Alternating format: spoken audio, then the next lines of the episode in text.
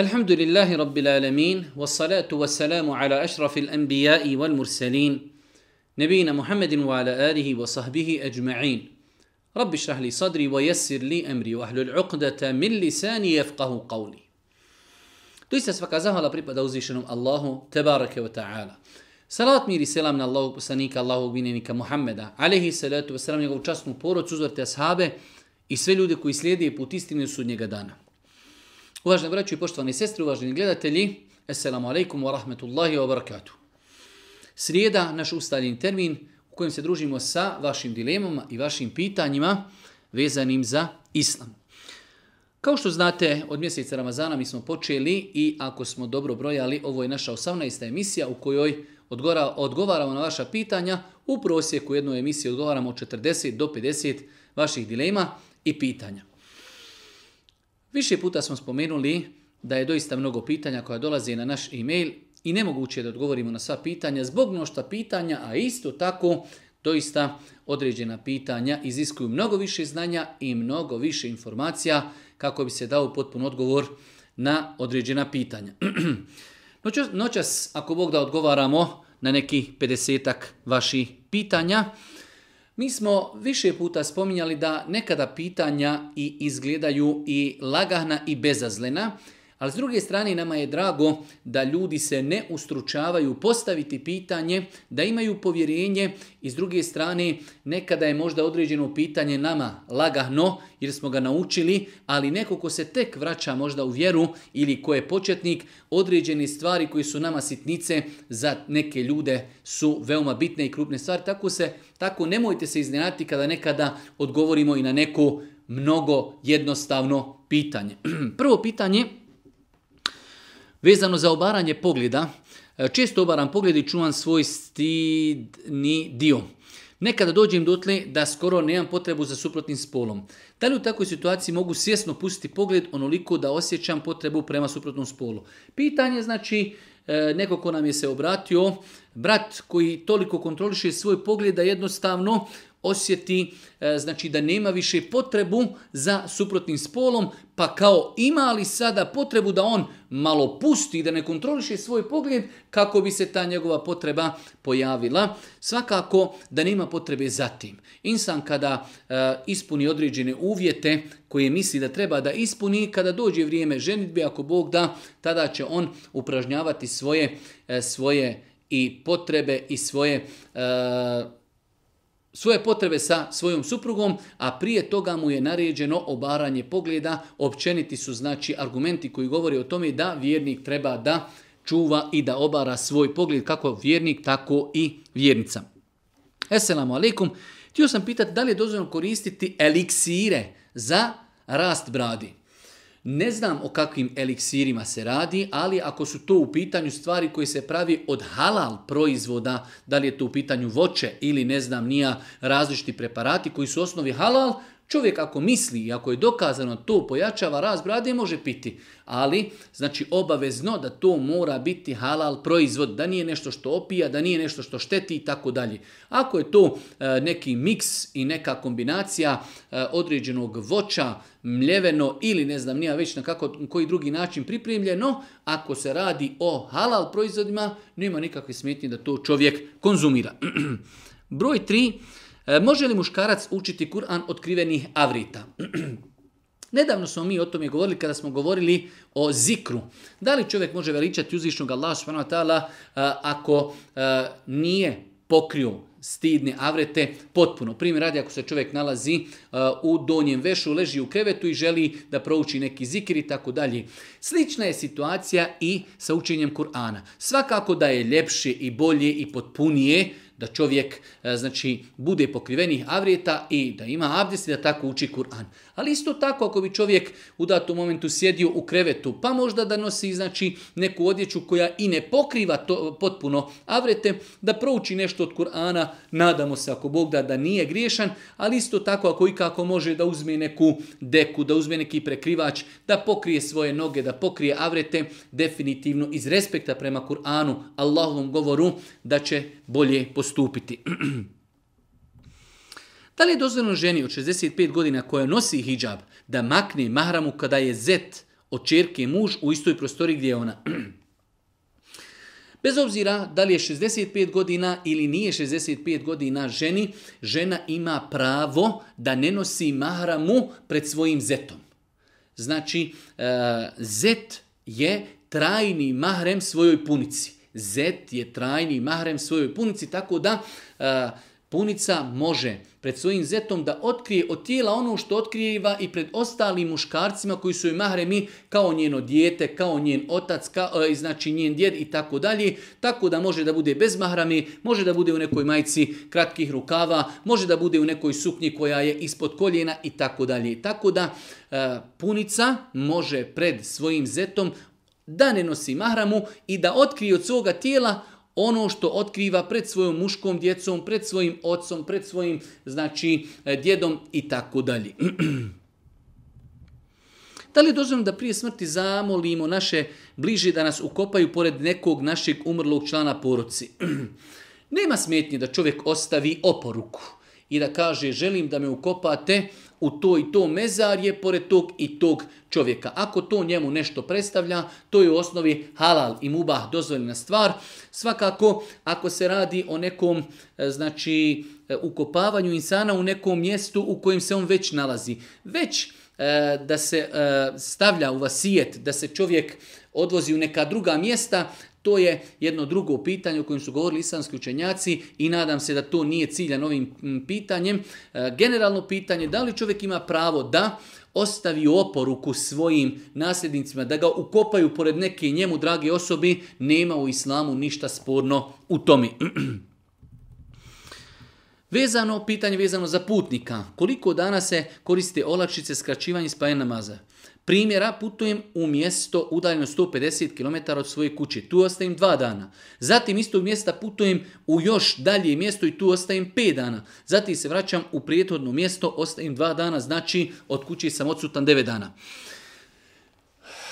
U pogledu pitanja koliko čovjek treba da se zadrži u nekom mjestu, pa da više ne može koristiti olakšice putovanja, islamski učenjaci imaju različite stavove. Ja lično sam stava da je čovjek bitno da iz svog mjesta ide putovanjem koji je dalje od 80 km.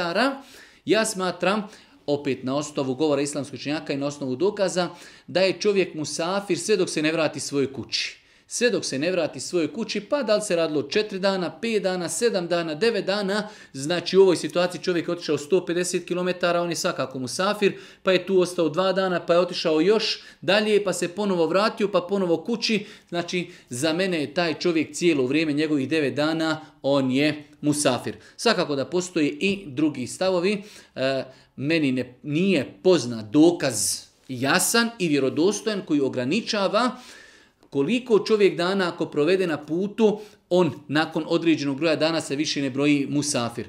Odrednica je da je čovjek musafir. E, imat ćemo mi noćas jedno drugo pitanje, to je da ljudi koji odu na zapad, on ode da živi gore, da li se on smatra gore musafir? Ne smatra, zato što on gore ima adresu, ima kuću i gore živi. Ali u suprotnom, znači ako čovjek ide od svoje kući, ide obilaz, ima neke poslove, putuje i vraća se svojoj kući, nije nigdje drugo odsjeo da ima adresu, koliko god dugo da ostane, on je musafir. Šeh srednjoškolac sam i pohađam školu gdje su spolovi miješani. Zanima me kako da se postavim kada dođe do interakcije koja je skoro, Allah najbolje zna, možda i neizbježna u mome slučaju.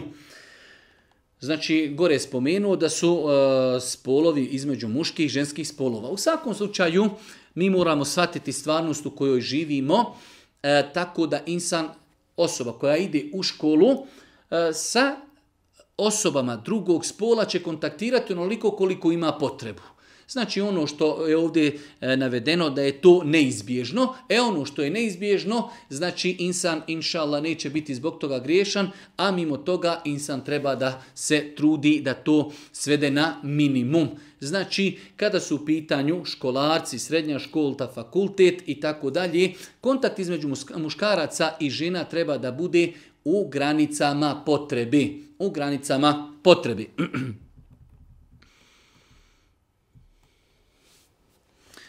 Osmo pitanje, muslimanka sam, ali nažalost od sada, do sada nisam praktikala vjeru. Zapravo jako malo znam. Molim vas za savjet kako i odakle početi. Nekoliko puta smo govorili o sličnim stvarima i na, najvjerojatnije ćemo morati o ovome održati jedno kompletno predavanje u kojem, u kojem ćemo davati savjete kako i šta da izučavaju ljudi koji se friško vraćaju vjeri? Ono što je nama najbitnije jeste da čovjek e, ide u dva smjera.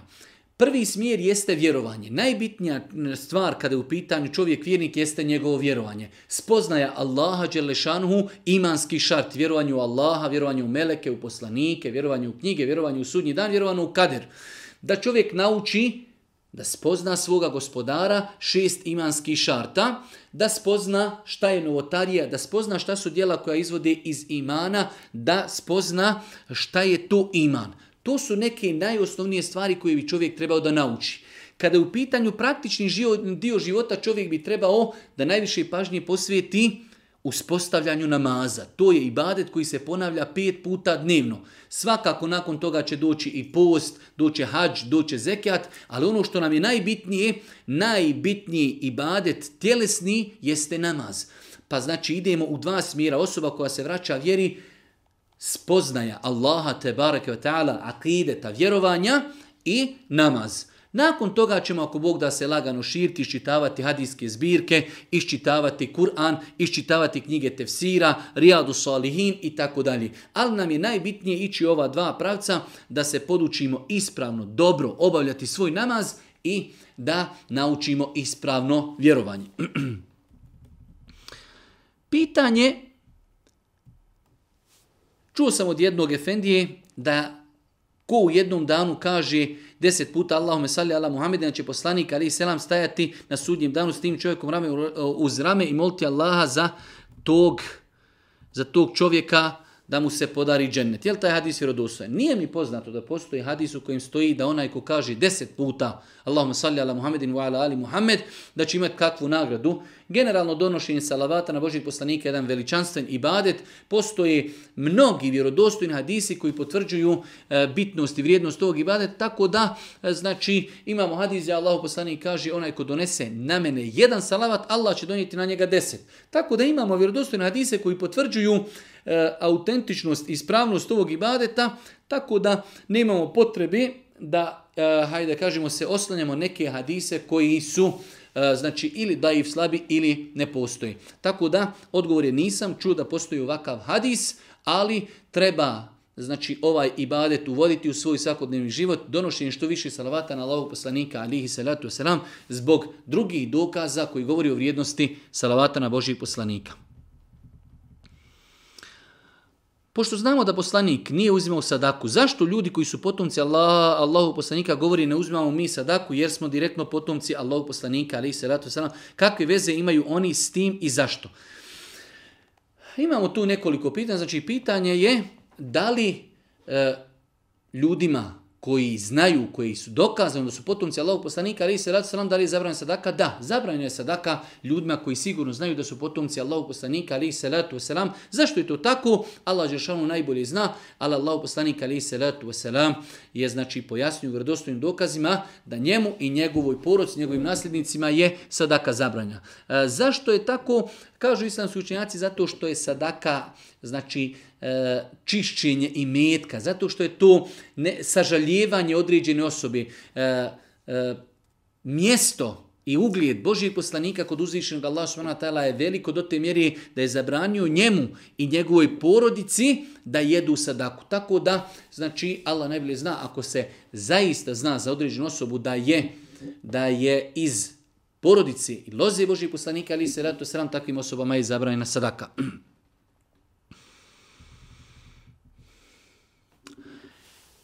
Kakav je stav Islama prema ocu koji djeci redovno ne uplaćuje alimentaciju, je im do sad oko 3.500 eura? Sada kada ne može da me tuče, svijetim im se što ne plaća redovno alimentaciju. E, Islamski učenjaci su postavili pravilo da otac ako se i razvede sa majkom, odnosno njegovom suprugom, majkom njegove djeci i djeca pripadnu njegovoj supruzi, ako su djeca potrebna i ako su maloljetna, po konsenzusu islamskog činjaka, ocu je obaveza. Bez obzira što su djeca kod majke, obaveza mu je da plaća elementaciju. Tako da, e, šta je taj čovjek? Taj čovjek je griješnik. Taj čovjek griješi zato što svojoj djeci ne uplaćuje ono što im je potrebno u pogledu njihove u pogledu njihove egzistencije. Znači, po konsenzusu islamskih učenjaka, ocu, čovjeku koji se razvede sa svojom suprugom i e, djeca iz njihovog braka odu kod majke, e, njemu je obaveza da izdržaje svoju djecu po dva uvjeta ako su djeca maloljetna i ako su djeca potrebna.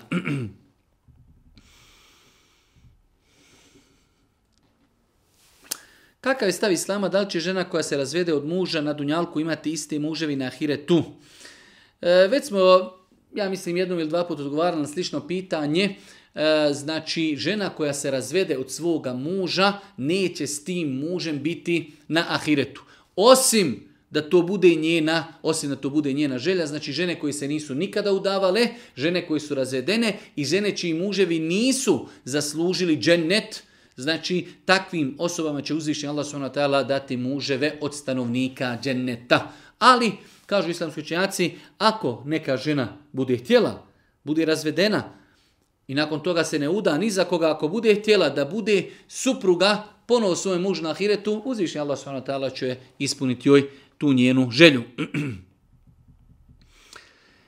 Da li je bolje učiti Kur'an, hivzati na pamet bez da se zna arapski ili je bolje prvo naučiti arapski pa tek onda učiti Kur'an na pamet? Znači, pitanje da li je prioritetni učiti Kur'an hivzati ili učiti arapski i nakon toga hivzati Kur'an da bi razumjeli Kur'an.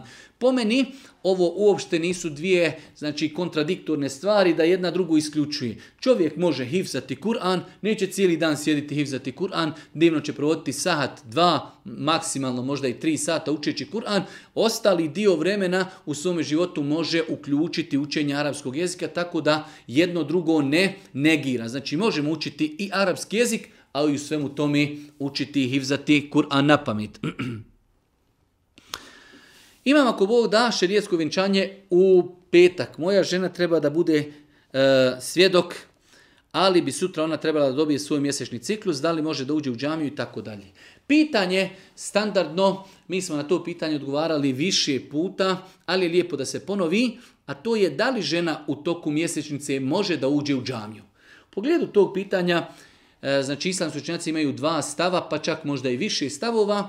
Velika većina fikskih učenjaka, pravnika, smatrala je da žena u toku mjesečnice ne može ući u džamiju, e, odnosno ne može boraviti u džamiji ako je u prolazu kroz džamiju, kao što su nekada džamije znale biti na putu, pa na jedna vrata da uđe, na druga da iziđe, znači to su smatrali dopuštenim. S druge strane, velik broj islamskih učenjaka iz struke hadisa smatrali su da žena može biti i boraviti u džamiji, pa makar bila u mjesečnici samo pod uvjetom da se zaštiti higijenim, higijenskim ulošcima, kako ne daj Bože ne bi došlo do eh, toga da se znači eh, po mjesečidu prospe ili onečisti se e, krvlju od mjesečnici. Ja lično zastupam stav da žena ako ima potrebu, kao što je nekada slušanje predavanja, nekada je vjenčanje, nekada je nešto drugo, znači potreba da se džamija malo počisti i tako dalje, ako žena ima za tim potrebu, a nalazi se u mjesečnici, nadam se da nema nikakve smetnje da uđe i da boravi e, u džamiji, zato što ne postoje jasni i vjerodostojni. Znači imamo hadise koji su vjerodostojni, ali nisu jasni. Imamo hadise koji su jasni, ali u pogledu njih postoji razilaženje kod učenjaka da li su vjerodostojni ili ne. Tako da u pogledu ovog pitanja nemamo jasan, a i vjerodostojan dokaz. Imamo jasan u Buhari i Muslimu, ali nije. Znači e, imamo vjerodostojan, ali nije jasan.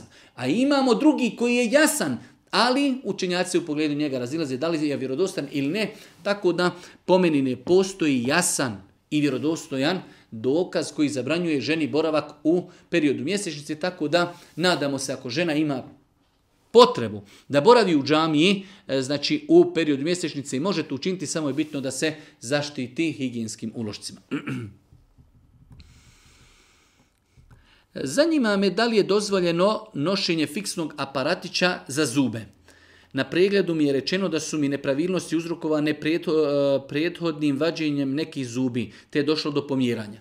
Znači, da li je dozvoljeno musliman da nosi aparatić koji će, koji će e, usmjeriti i e, na duže staze, znači učiniti zube da su lijepo porede. Nadamo se ako Bog da, da nema nikakve smetnje iz razloga što nošenjem tog aparatića čovjek želi da stvari vrati u normalu.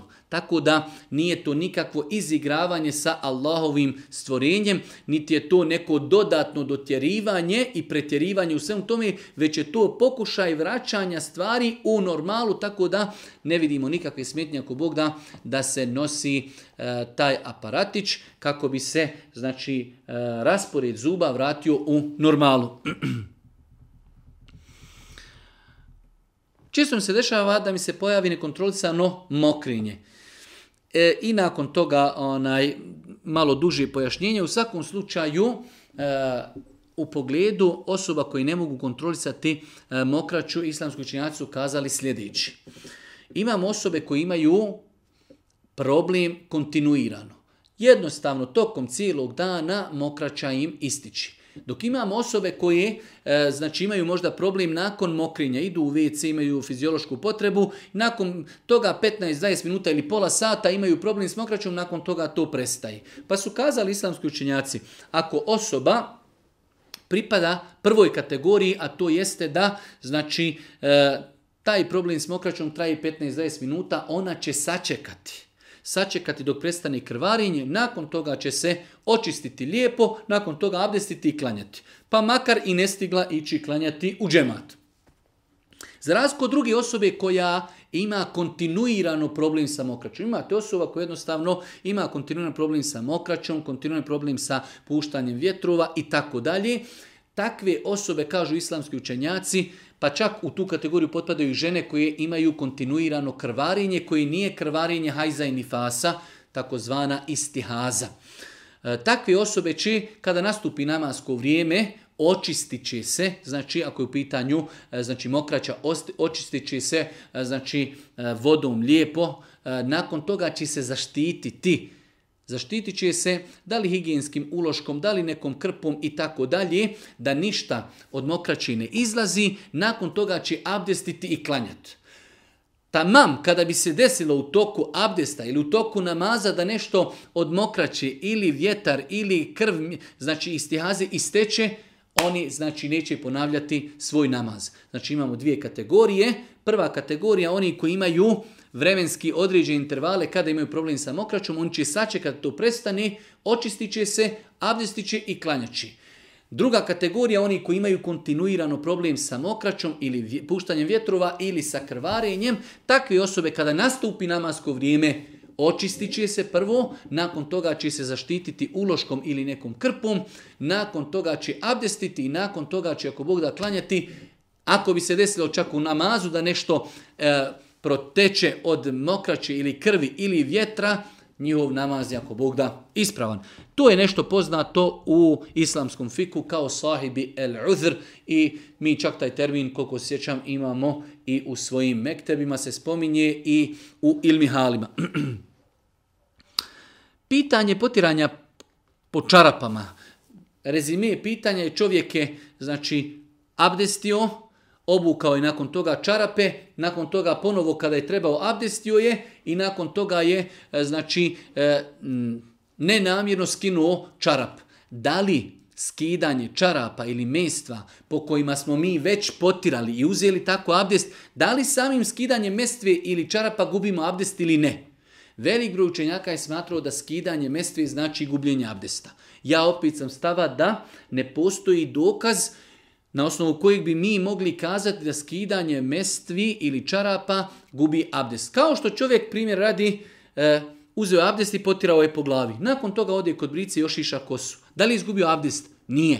Da li čovjek je abdestio, imao je velike nokte. Nakon toga osjekao nokte. Da li čovjek time gubi abdest? Ne gubi. Isto tako je mi ako smo abdestili i potirali smo u abdestu preko naših mestvi ili preko čarapa. Nakon toga imamo potrebu da skinemo čarape, mi skidamo čarape u redu. Više ne možemo potirati, ali nismo izgubili abdest. Tako da sam ja stava da skidanje čarapa ili mestvi, a mi smo prije toga uzeli abdest, mi ostajemo pod abdestom, ali više ne imamo pravu potirati. Pa su dva različita termina, nemamo više pravo potirati, a drugo je izgubili smo abdest. Nismo izgubili abdest, ali više nemamo pravo potirati po mestvama jer smo skinuli meste.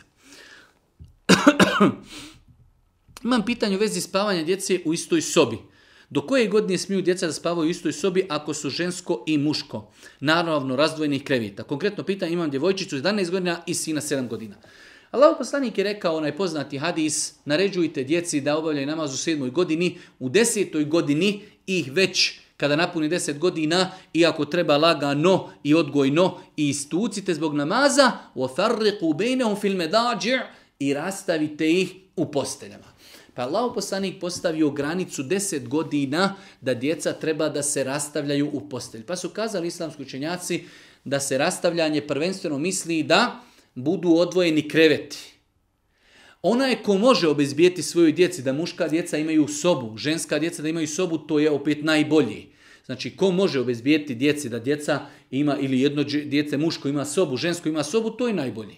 Ko ne može, onda u jednoj sobi, ali da svako dijete ima zaseban krevet da svako dijete za ima zaseban krevet. Znači nakon 10. godine djeca treba da budu razdvojena, da imaju zasebne krevete. Svakako se djeca trebaju podučiti, ako su u pitanju znači djeca, e, bez obzira bila muška ili ženska, da im se kaže da ipak kada znači su u svojoj spavačoj sobi, da ipak trebaju paziti na avrete, da se ne mogu jedni pred drugima preslačiti, već se trebaju sklonuti i tako dalje. E, znači ono što je pitanje, pitanje da E, najbolji način, ako postoji mogućnost, da se djeca razdvoje u zasebnim sobama. Onaj ko nema mogućnost, onda će djeci obezbijediti zasebne krevete.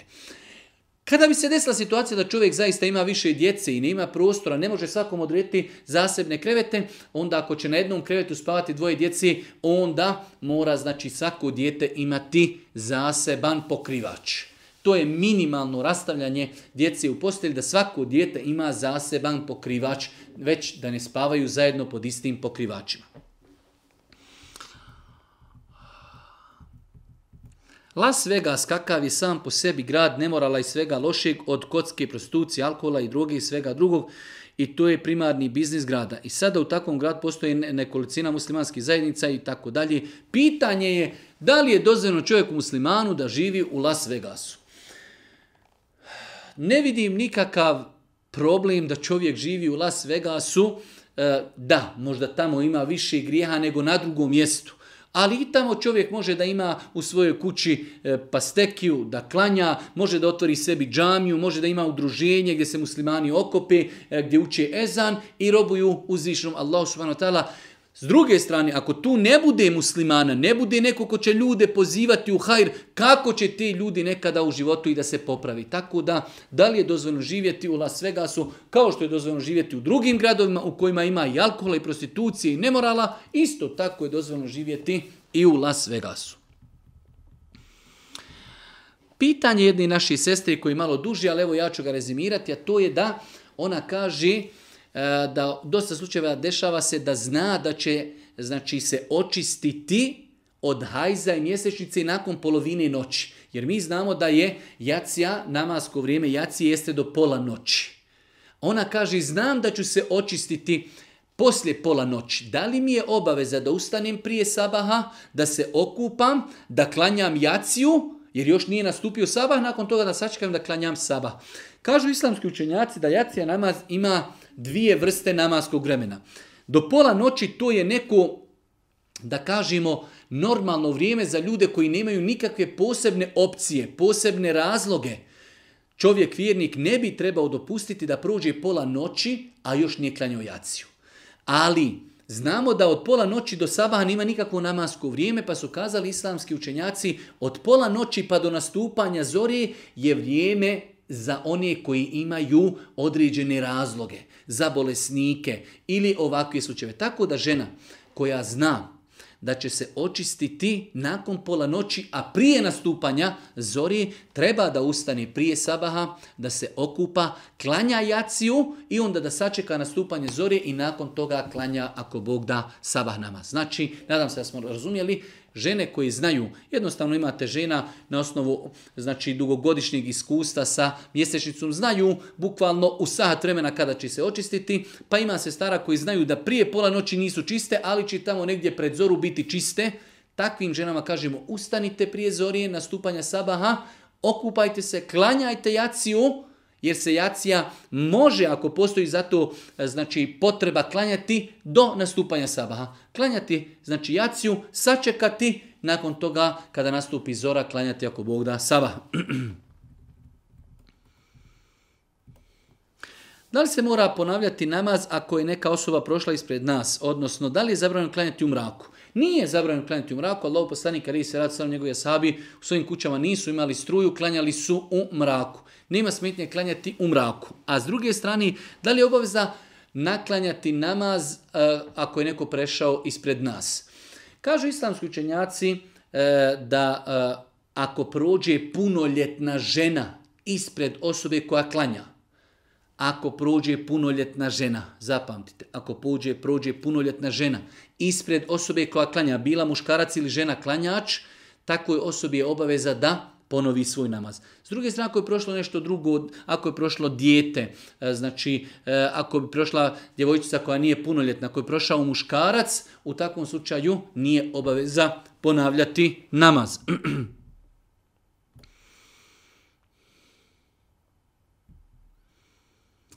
Pitanje, već osam mjeseci su mi ustanovili poslije porodnu depresiju i tako dalje. Nakon toga pitanje da li se ta depresija u islamu može nazvati napadima džina i sihra.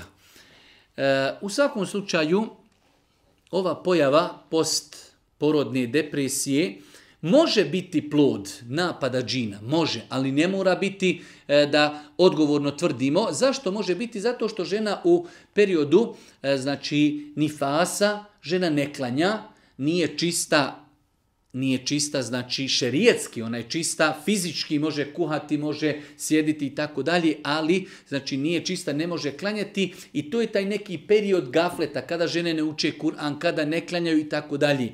Da li u tom periodu E, jednostavno e, mnogo je lakše džinima da napadaju na takve osobe nego na osobu koja redovno klanja, koja redovno zikri, koja redovno uči Kur'an i tako dalje. Tako da može li ta depresija biti plod napada džina? Može.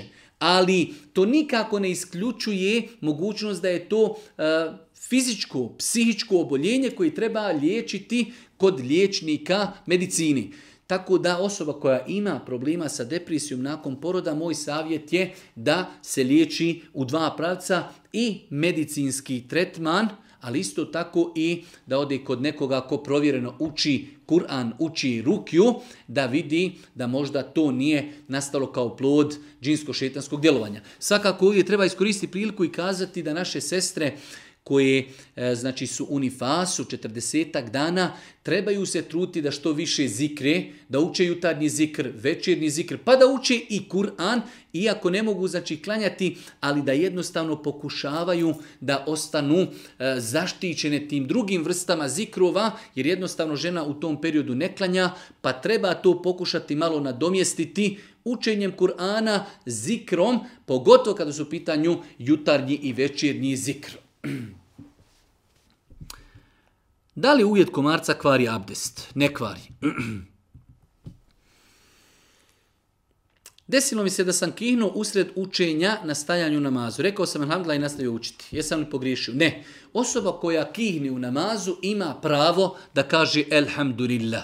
Znači, desilo je se za vrijeme Božih poslanika, ali i salatu wasalam, da se znalo desiti nekom da saba da kihne u namazu i da kaže alhamdulillah pa Allahu poslanik to nije ukorio. Tako da eh, insan ako kihne u namazu nema smjeti da kaže alhamdulillah. S tim što onaj ko klanja do njega i ako ga čuje neće mu odgovoriti kao što mu odgovara mimo namaza. Mimo namaza čovjek kada kihne kaže alhamdulillah. Onaj koga je čuo kaže je Allah, a onaj koji kihnu odgovara jehdikum Allahu yuslihu ba'lakum.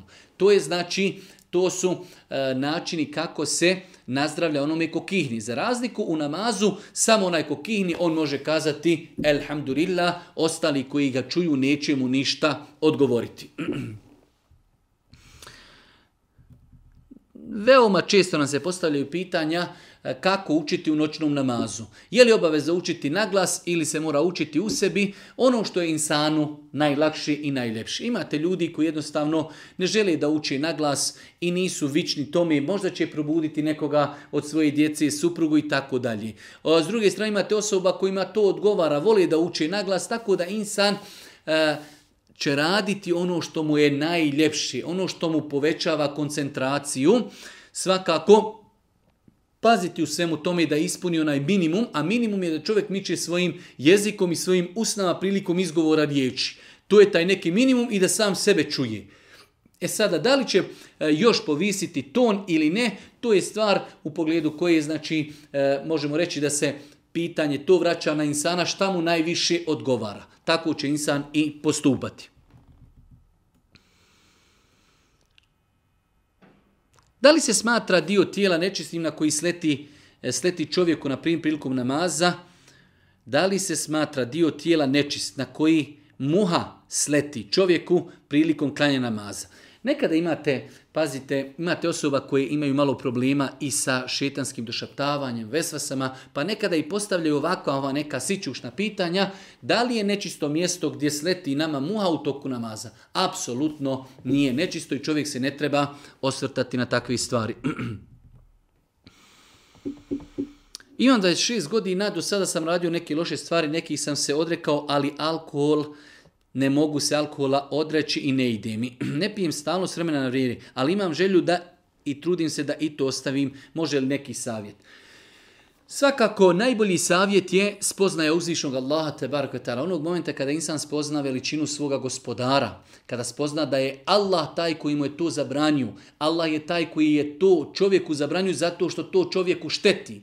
Kada insan zna da onaj ko bude pio alkohol na dunjalku, neće ga piti na ahiretu, ako insan zna da meleki zapisuju svaki njegov postupak, svaku kap koju bude e, znači, pio, da će zato odgovarati na sudnjem danu, ako se bude družio sa lijepim društvom, sve su to neki faktori kako i na koji način se odreći alkohola. Znači da čovjek bude svjestan veličine uzvišenog Allaha, da bude svjestan njegove mudrosti. Sve što je zabranjeno, zabranjeno je zbog nas. Sve što je naređeno, naređeno je zbog nas.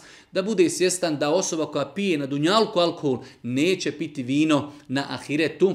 Znači, ahiretsko vino je tako da čovjek neće od njega osjećati bolove u glavi, niti će, niti će, e, znači, bit će s druge strane e, ukusno onima koji ga piju.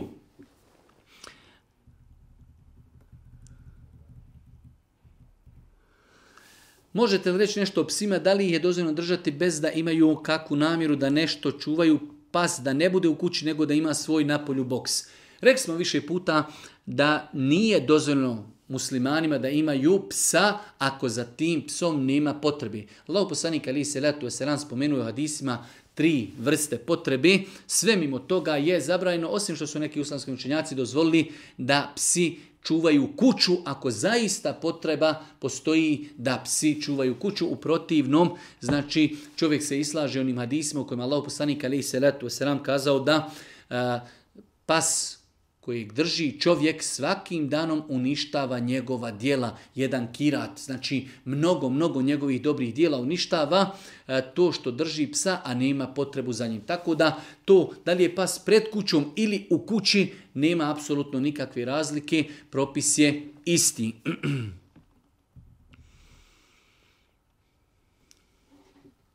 Kako da postupim ako naši roditelji priseljavaju nas da se šminkamo ili nosimo nepropisan hijab? a, ako e, odbijemo, onda slijede uvrede.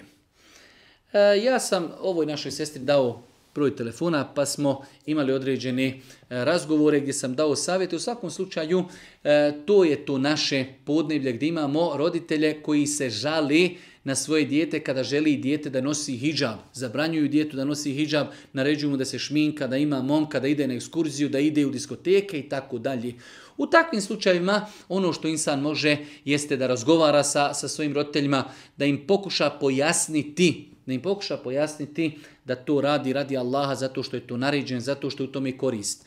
S druge strane, ja sam uvijek preporu, znači, davao preporuku osobama u sličnim situacijama da pokušaju razmišljati u nekom doglednom vremenu o braku. Insan kada djevojka se uda za e, moralnog čestitog mladića, počet nositi mahramu, nakon toga kada ide kod svojih roditelja, ako je takvu prihvati, dobro jest, ako je ne prihvati, ona ima svoju porucu, ima svoga muža.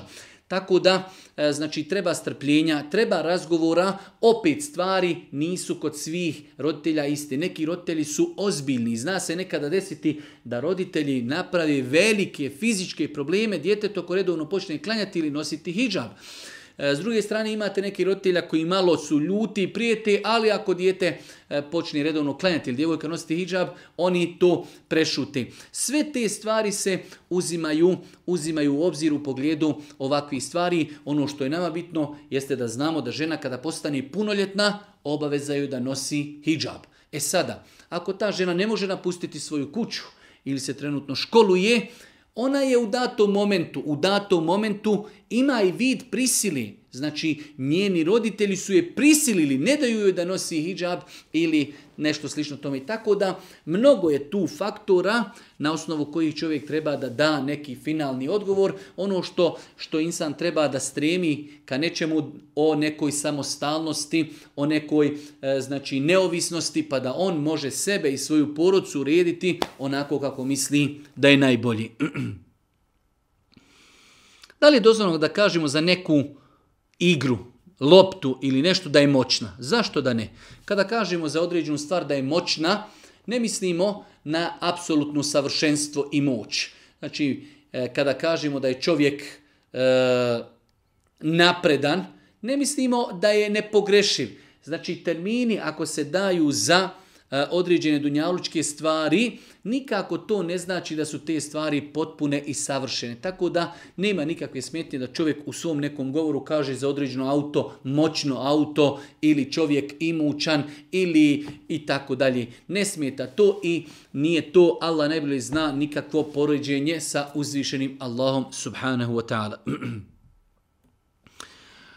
Pitanje da li e, žensku dijetu treba da se brije glava kada je u pitanju klanja kike sedmi dan. E, ja sam stava da hadisi koji govori o brijanju glavi novorođenčeta su općeniti. Tako da e, nema smetnje da se obrije glava i djevojčici. E sada, to je jedan od sunnjeta, ako nekoga je strah zato što je dijete e, malehno, mehka mu je kožica ili eventualno ako jedan od roditelja nije zato, primjer radi majka, nije zato otac jest ili nekada e, nana i djed ne želi da se njihovo dijete, njihova unuka obrije, u takvim slučajevima ako bi insan i preskočio taj sunnet, nadamo se, inšallah, nadamo se da to nije nikakva greška, znači jednostavno izostavio je zbog neke veće koristi jednu pohvalnu i lijepu stvar. Ali onaj ko može, i ko nema nikakvih zapreka, znači treba ispuniti taj sunnet, a to je brijanje glavi i muškom i ženskom djetetu na dan kada se kolje akika sedmi dan.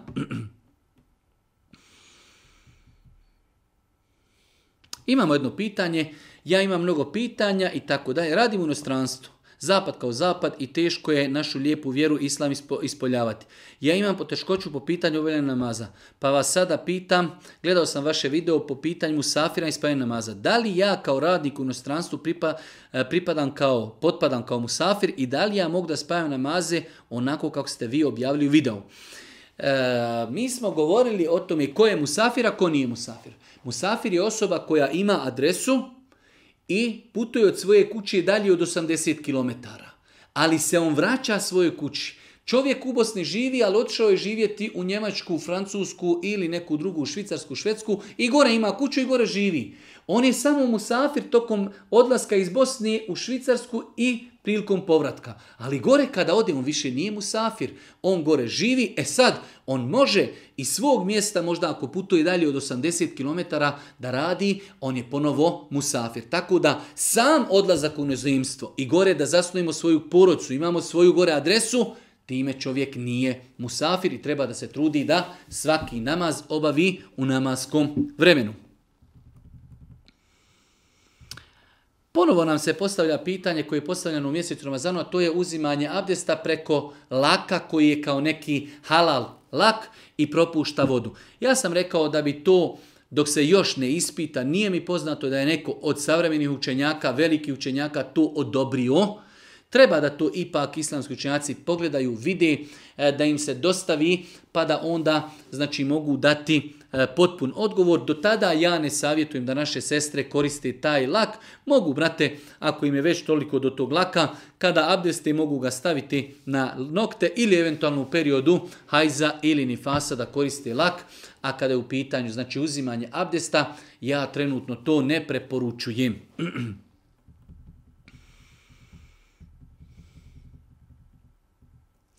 Zanima me ako ja napravim neki produkt, kao što je neki kompjuterski program koji je namijenjen korištenju halal svrhe, ali se istodobno može koristiti u haram svrhu, iako to mi nije namijenjen i nije zbog toga napravljen, ali može. Da li ja kao trg, e, tvorac toga programa, ako ga napravim sa dobrim namjerom, imam grijeh? Pitanje da proizvedemo nešto što se koristi u osnovi na halal način, da li ćemo mi biti griješni ako neko koristi na haram način? Nećemo. Ako je to u osnovi halal stvar. Mnogo je stvari koje su halal, a mogu se zloupotrijebiti. Auto, nekoga vozi na halal način, neko sa njim ide u birtiju. Nož, neko će koristiti nož da izreze hljeb, a neko će, ne daj Bože, napraviti e, nešto zabranjeno sa tim nožem. I mnogo drugih stvari. E, sam mobitel može se koristiti u slušanje dersova i u slušanje muzike. Sam laptop se može koristiti u čitanje knjiga i gledanje e, pornofilmova. Pa znači, e, insan kada nešto proizvodi, treba da je njegov nijet ispravan i da ta stvar u osnovi, njena osnova je da je halal.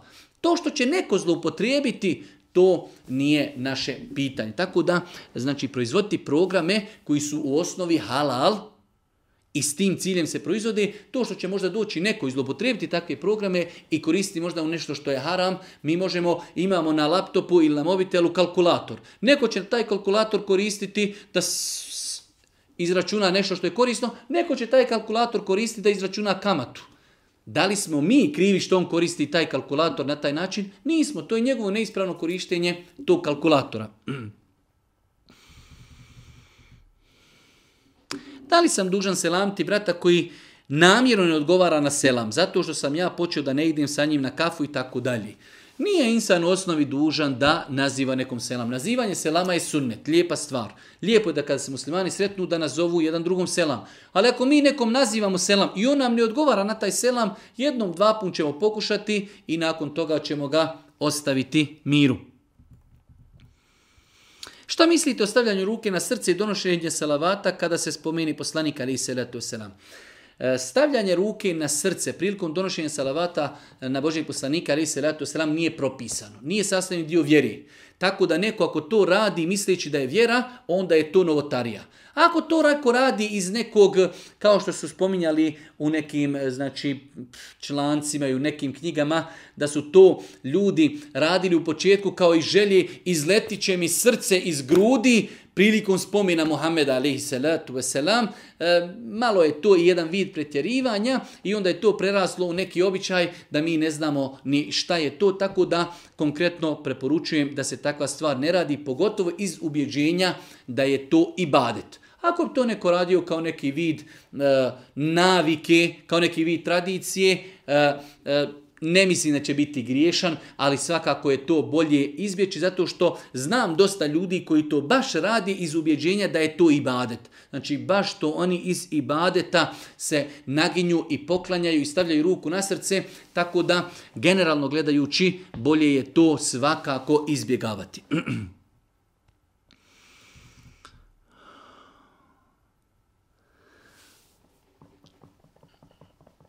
Kod svog očuha sam provela osam godina. On je bio staratelj na vjenčanju, pa me zanima da li je on validan staratelj. Nije. Osim u jednoj situaciji. Ne može očuh biti staratelj e, e, djetetu, znači njegova supruga je dovela tu dijete kod njega i da joj on bude staratelj. Ne može biti staratelj, njen staratelj je neko sa njene, e, znači, očevi strane. Osim u slučaju zaista, osim da ona kaže nemam nikoga s muške strane, ja i onako i onako trebam odabrati sebi nekoga ko će biti staratelj, pa odabrala sam svoga očuha. U tom slučaju da, ali ako postoji e, muške osobe s očeve strane, onako po onom redoslijedu koji smo spominjali više puta u predavanjima, otac ili brat ili amiđa ili djed i tako dalje, ako postoji takve osobe, one treba da budu, one treba da budu staratelji. Mogli dati rođenoj sestri zekijat, može se dati rođenoj sestri zekijat, s tim što ovdje imamo e, kao nadopunu na pitanje, a to je da jezin suprug konzumira alkohol i cigare takvom slučaju treba dati zekija toj sestri i kazati joj da koristi taj zekija za svoje potrebe, a ne da koristi za alkohol i cigare. Znači ne davati njenu mužu, sestra ima pravo da dadne zekijat svojoj sestri s tim što ću joj naglasiti da je to zekijat i da od toga ne koristi ništa eh, u stvari koji su zabranjeni kao što je kupovina duhana ili alkohola. Imao sam običaj da ponekada meditiram prije spavanja. Meditacija bi se sastojala od nekih prostih vježbi disanja, kojima bi došlo do generalnog upuštanja tijela. Nikada nisu bili uključeni elementi nevjerstva ili bilo kako izgovaranje određenih fraza ili riječi. I tako da imao sam problema sa spavanjem i to mi je znatno pomoglo u normalizaciji sna. Da li je to dozvoljno? Znači, pitanje je kompleksno, odgovor je shodno pitanju. Čovjek ima meditaciju koja se sačinjava samo od vježbi disanja. Nema nikakvih ubjeđenja, niti ima kakvih izgovora riječi. Ja u takvom vidu meditacije ne vidim ništa loše. Ako je to samo, zaista samo meditiranje, da čovjek samo znači e, ima određene vježbe, načine disanja kako će smiriti svoje tijelo i da bi na taj način olakšao sebi spavanje, ne vidim ništa u tome loše ali moramo znači ispravno shvatiti moj odgovor, tako piše u pitanju, nema nikakvih pokrešnih uvjerenja, ubjeđenja, niti ima kakvih riječi. Nadam se, ako takvo meditiranje, znači čak ga možda i ne, ne bi trebalo u ovom slučaju ni zvati meditiranje, možda se nazovu vježbe disanja. Vježbe disanja prije spavanja kako čak neko ne bi pogrešno to shvatio, e sada može u islamu i meditiranje, e, znači e, ako se radi samo o vježbama disanja, evo ovdje kaže, nikada nisu bili uključeni elementi nevjersa. i bilo kakvog izgovaranja određenih fraza i riječi. Imao sam problema sa spavanjem i to mi je znato pomoglo u normalizaciji sna. Znači ako su u pitanju samo vježbe, pitanje, vježbe za disanje, da bi se opustilo naše tijelo, ne vidim u tome ništa loše s tim što se čovjek treba paziti da ga to ne odvede, ne daj Bože, u nešto što je sporno i zabranjeno. Imamo jedno duže pitanje. Naša jedna sestra je imala spontani u šestom mjesecu trudnoći pa jednostavno insanu u tim momentima nije ni do čega, pa su oni to njeno dijete znači, uzeli i znate već kako se ti dijelovi e, djeci koja su e, znači spontano rođena uništavaju. Tako da nakon toga naša ova sestra iščitavala i shvatila je da je pogriješila, da je trebala da se to dijete ukopa na islamski način, da mu se zakopa, da mu se zakulja kika, da mu se nadine ime i sada postavlja pitanje šta sada urati. E, to što se tiče što je se desilo je greška, ali u osnovi insan treba da se poduči propisima vjeri i da zna propis da dijete koje je napunilo 120 dana, ako se nakon toga rodi, znači sva procedura ukopavanja je kao ukopavanje velike osobe. Ako to nije urađeno, šta mi sada možemo? Ne možemo uraditi ništa. Možemo moliti uzvišnog Allah subhanahu da nam oprosti i to je to, ništa više. Ostaje klanje akike i nadjevanje imena, nema sporno ništa u tome da roditelji kažu da nam je to dijete ostalo živo, zvalo bi se, e, ne znam, nije tako i tako. I sutra kada govori i desio je se taj događaj, rodila je se naša beba tog i tog imena. Mogu da kada je spominju, da je spominju po njenom imenu, a isto tako nema ništa loše u tome da se za to dijete zakolje akika. Znači, dijete koje je e, rođeno prije devetog mjeseca, rođeno kao mrtvo u šestom mjesecu, nakon toga to tijelo nije zakopano, nije, nije okupano, trebalo ga je okupati i trebalo ga je zakopati kao što se zakopava svaka druga odrasla osoba. Ali ako to već nije urađeno, šta mi možemo uraditi? Ne možemo ništa uraditi, ostaje, znači da li mu se može dati ime sada? Može. Da li mu se može zaklati akika? Može.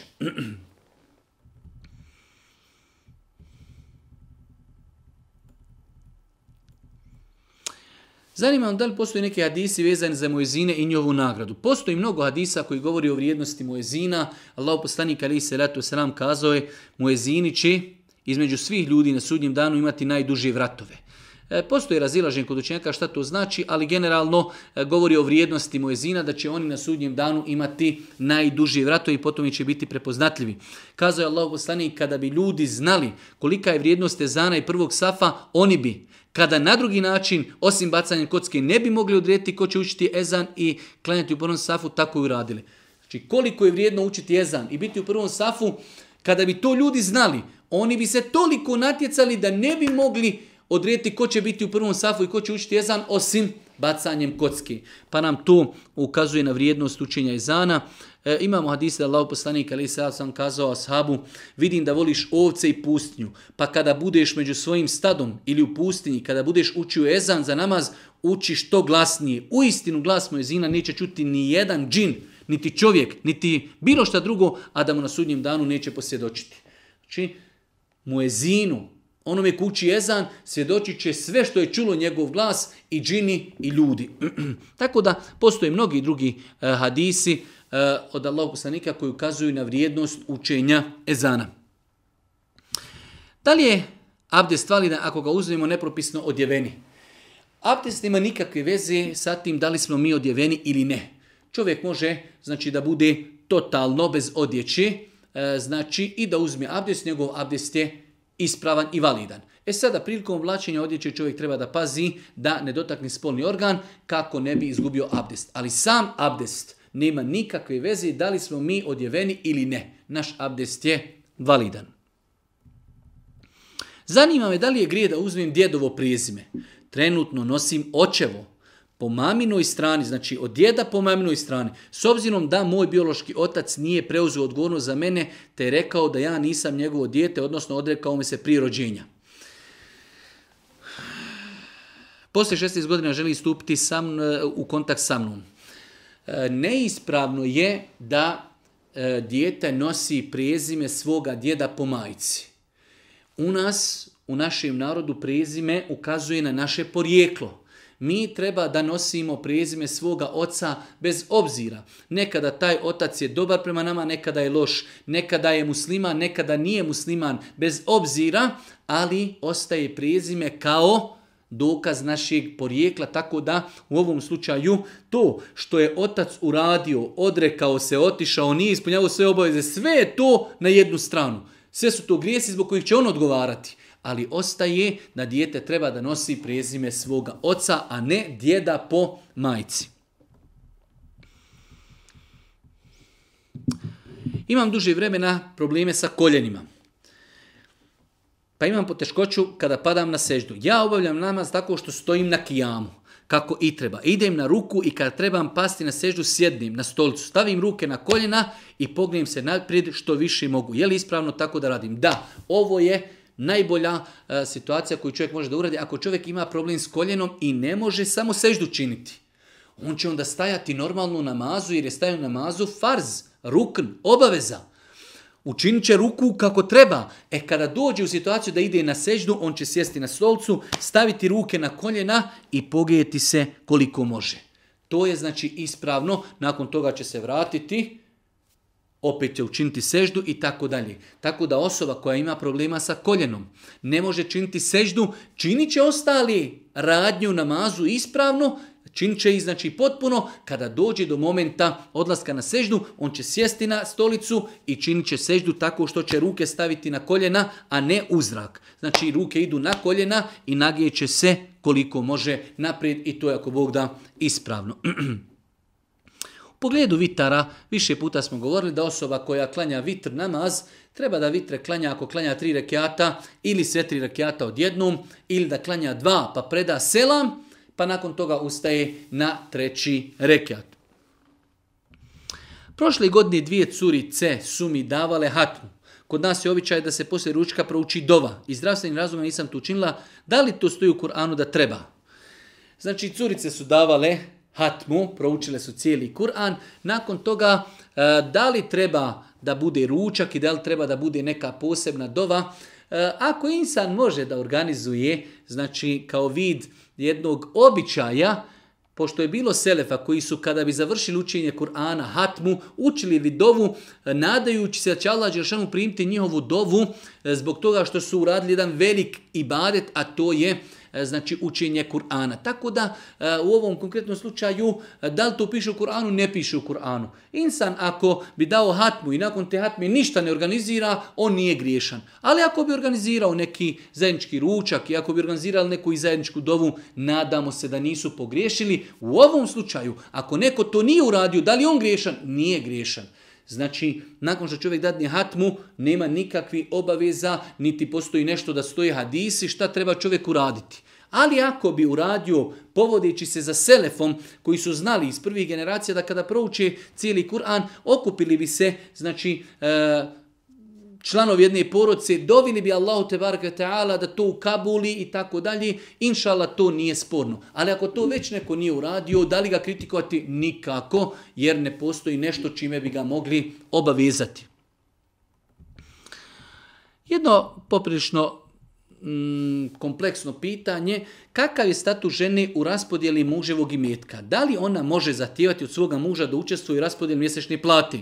uzmejući u obzir današnje stanje te da muž ima sasvim solidnu platu, koliko žena i koliko, e, koliko žena i koliko žena često može zahtijevati od svoga muža određenu svotu za lične potrebe.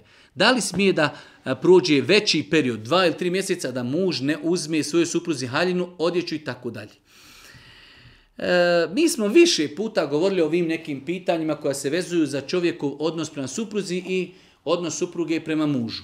Čovjeku je obaveza, shodno svojoj materijalnoj mogućnosti, shodno e, stepenu svoje supruge i njenog bogatstva i ugleda, shodno vremenu u prostoru u kojem živi, da obezbidi svojoj ženi odjeću, hranu, stanovanje.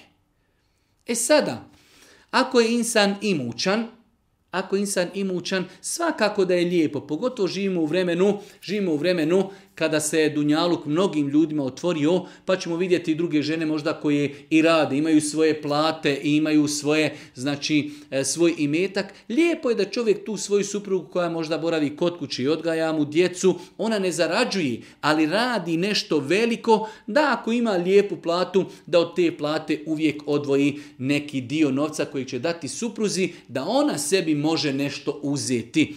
Kao neki vid, eto da ga nazovemo poklona, hedije, džeparca, svakako da joj kupi ono što je njoj potrebno, ali mimo toga bil maruf i prema njima se lijepo obhodite.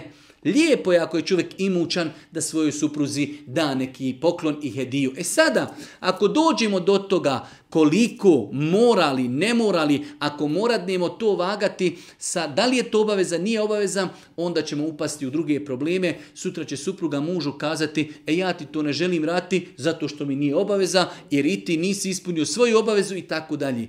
Pa je najljepše da, znači, E, ophođenje muža i žene budi u jednom ambijentu, da bude u jednoj harmoniji i da supruga uradi nešto što joj nije obaveza prema mužu, njegovoj rodbini, njegovim, njegovom ocu i majci, a da i on njoj uradi nešto što njemu nije obaveza.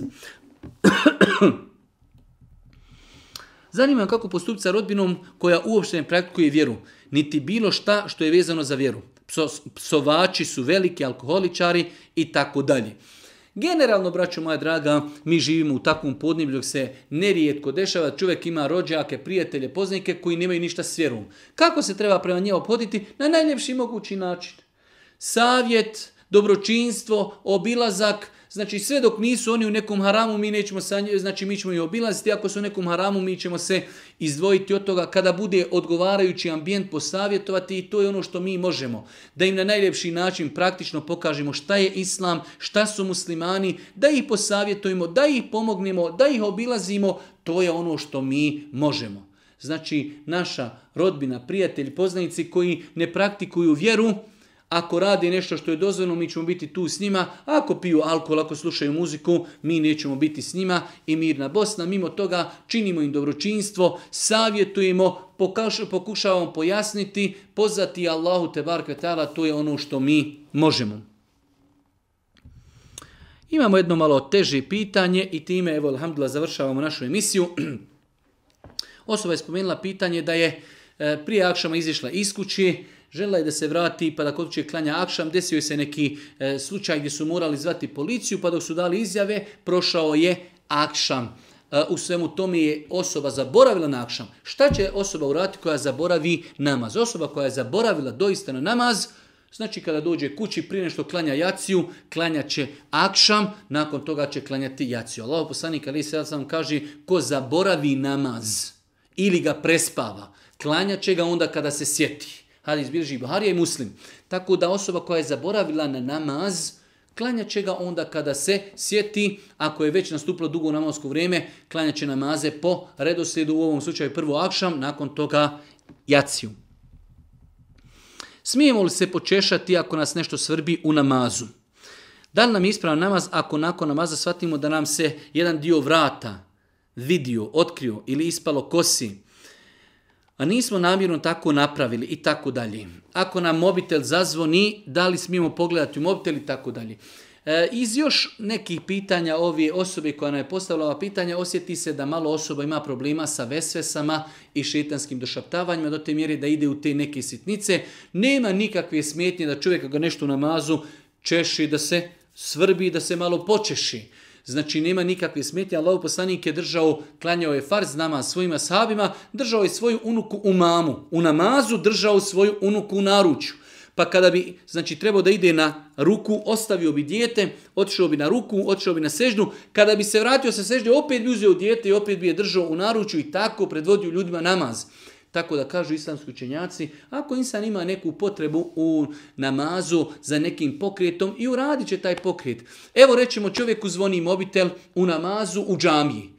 Cijela džamija hori, ali on se neće pomaketi zato što ako se pomakne pokvarće namaz. Bolje je da uzme mobitel, da ga isključi, stavi i niko neće biti uznemiravan, a njegov namaz je ako Bog da e, u redu. Tako da ako insan ima u namazu potrebu da se počeše ili nešto drugo da uradi, ako Bog da urače i njegov namaz je validan. I zadnje pitanje, opet kažemo pitanje Vesvesa u zadnje vrijeme dolazi mi nesigurnost. Kad god klanjam, pitam se da li sam dobro klanjala, jesam li izostavila fatihu, jesam li izostavila suru i tako dalje. U svakom slučaju insan treba da se čuva vesvesa, došaptavanja šetanskih, maksimalno da ih ignoriši, a pogotovo ako je nakon namaza, ako je nakon ibadeta. Kažu islamski učenjaci, znači vesvese, došaptavanja, nakon ibadeta, na njih se čovjek ne treba nikako osvrtati. Allah subhanahu wa ta'ala molim da nas budući propisima vjeri i molim gospodina tala da nam bude milostiv na sudnjem danu na kraju subhaneke Allahumma bihamdike ashhadu an la ilaha illa anta wa atubu ilaik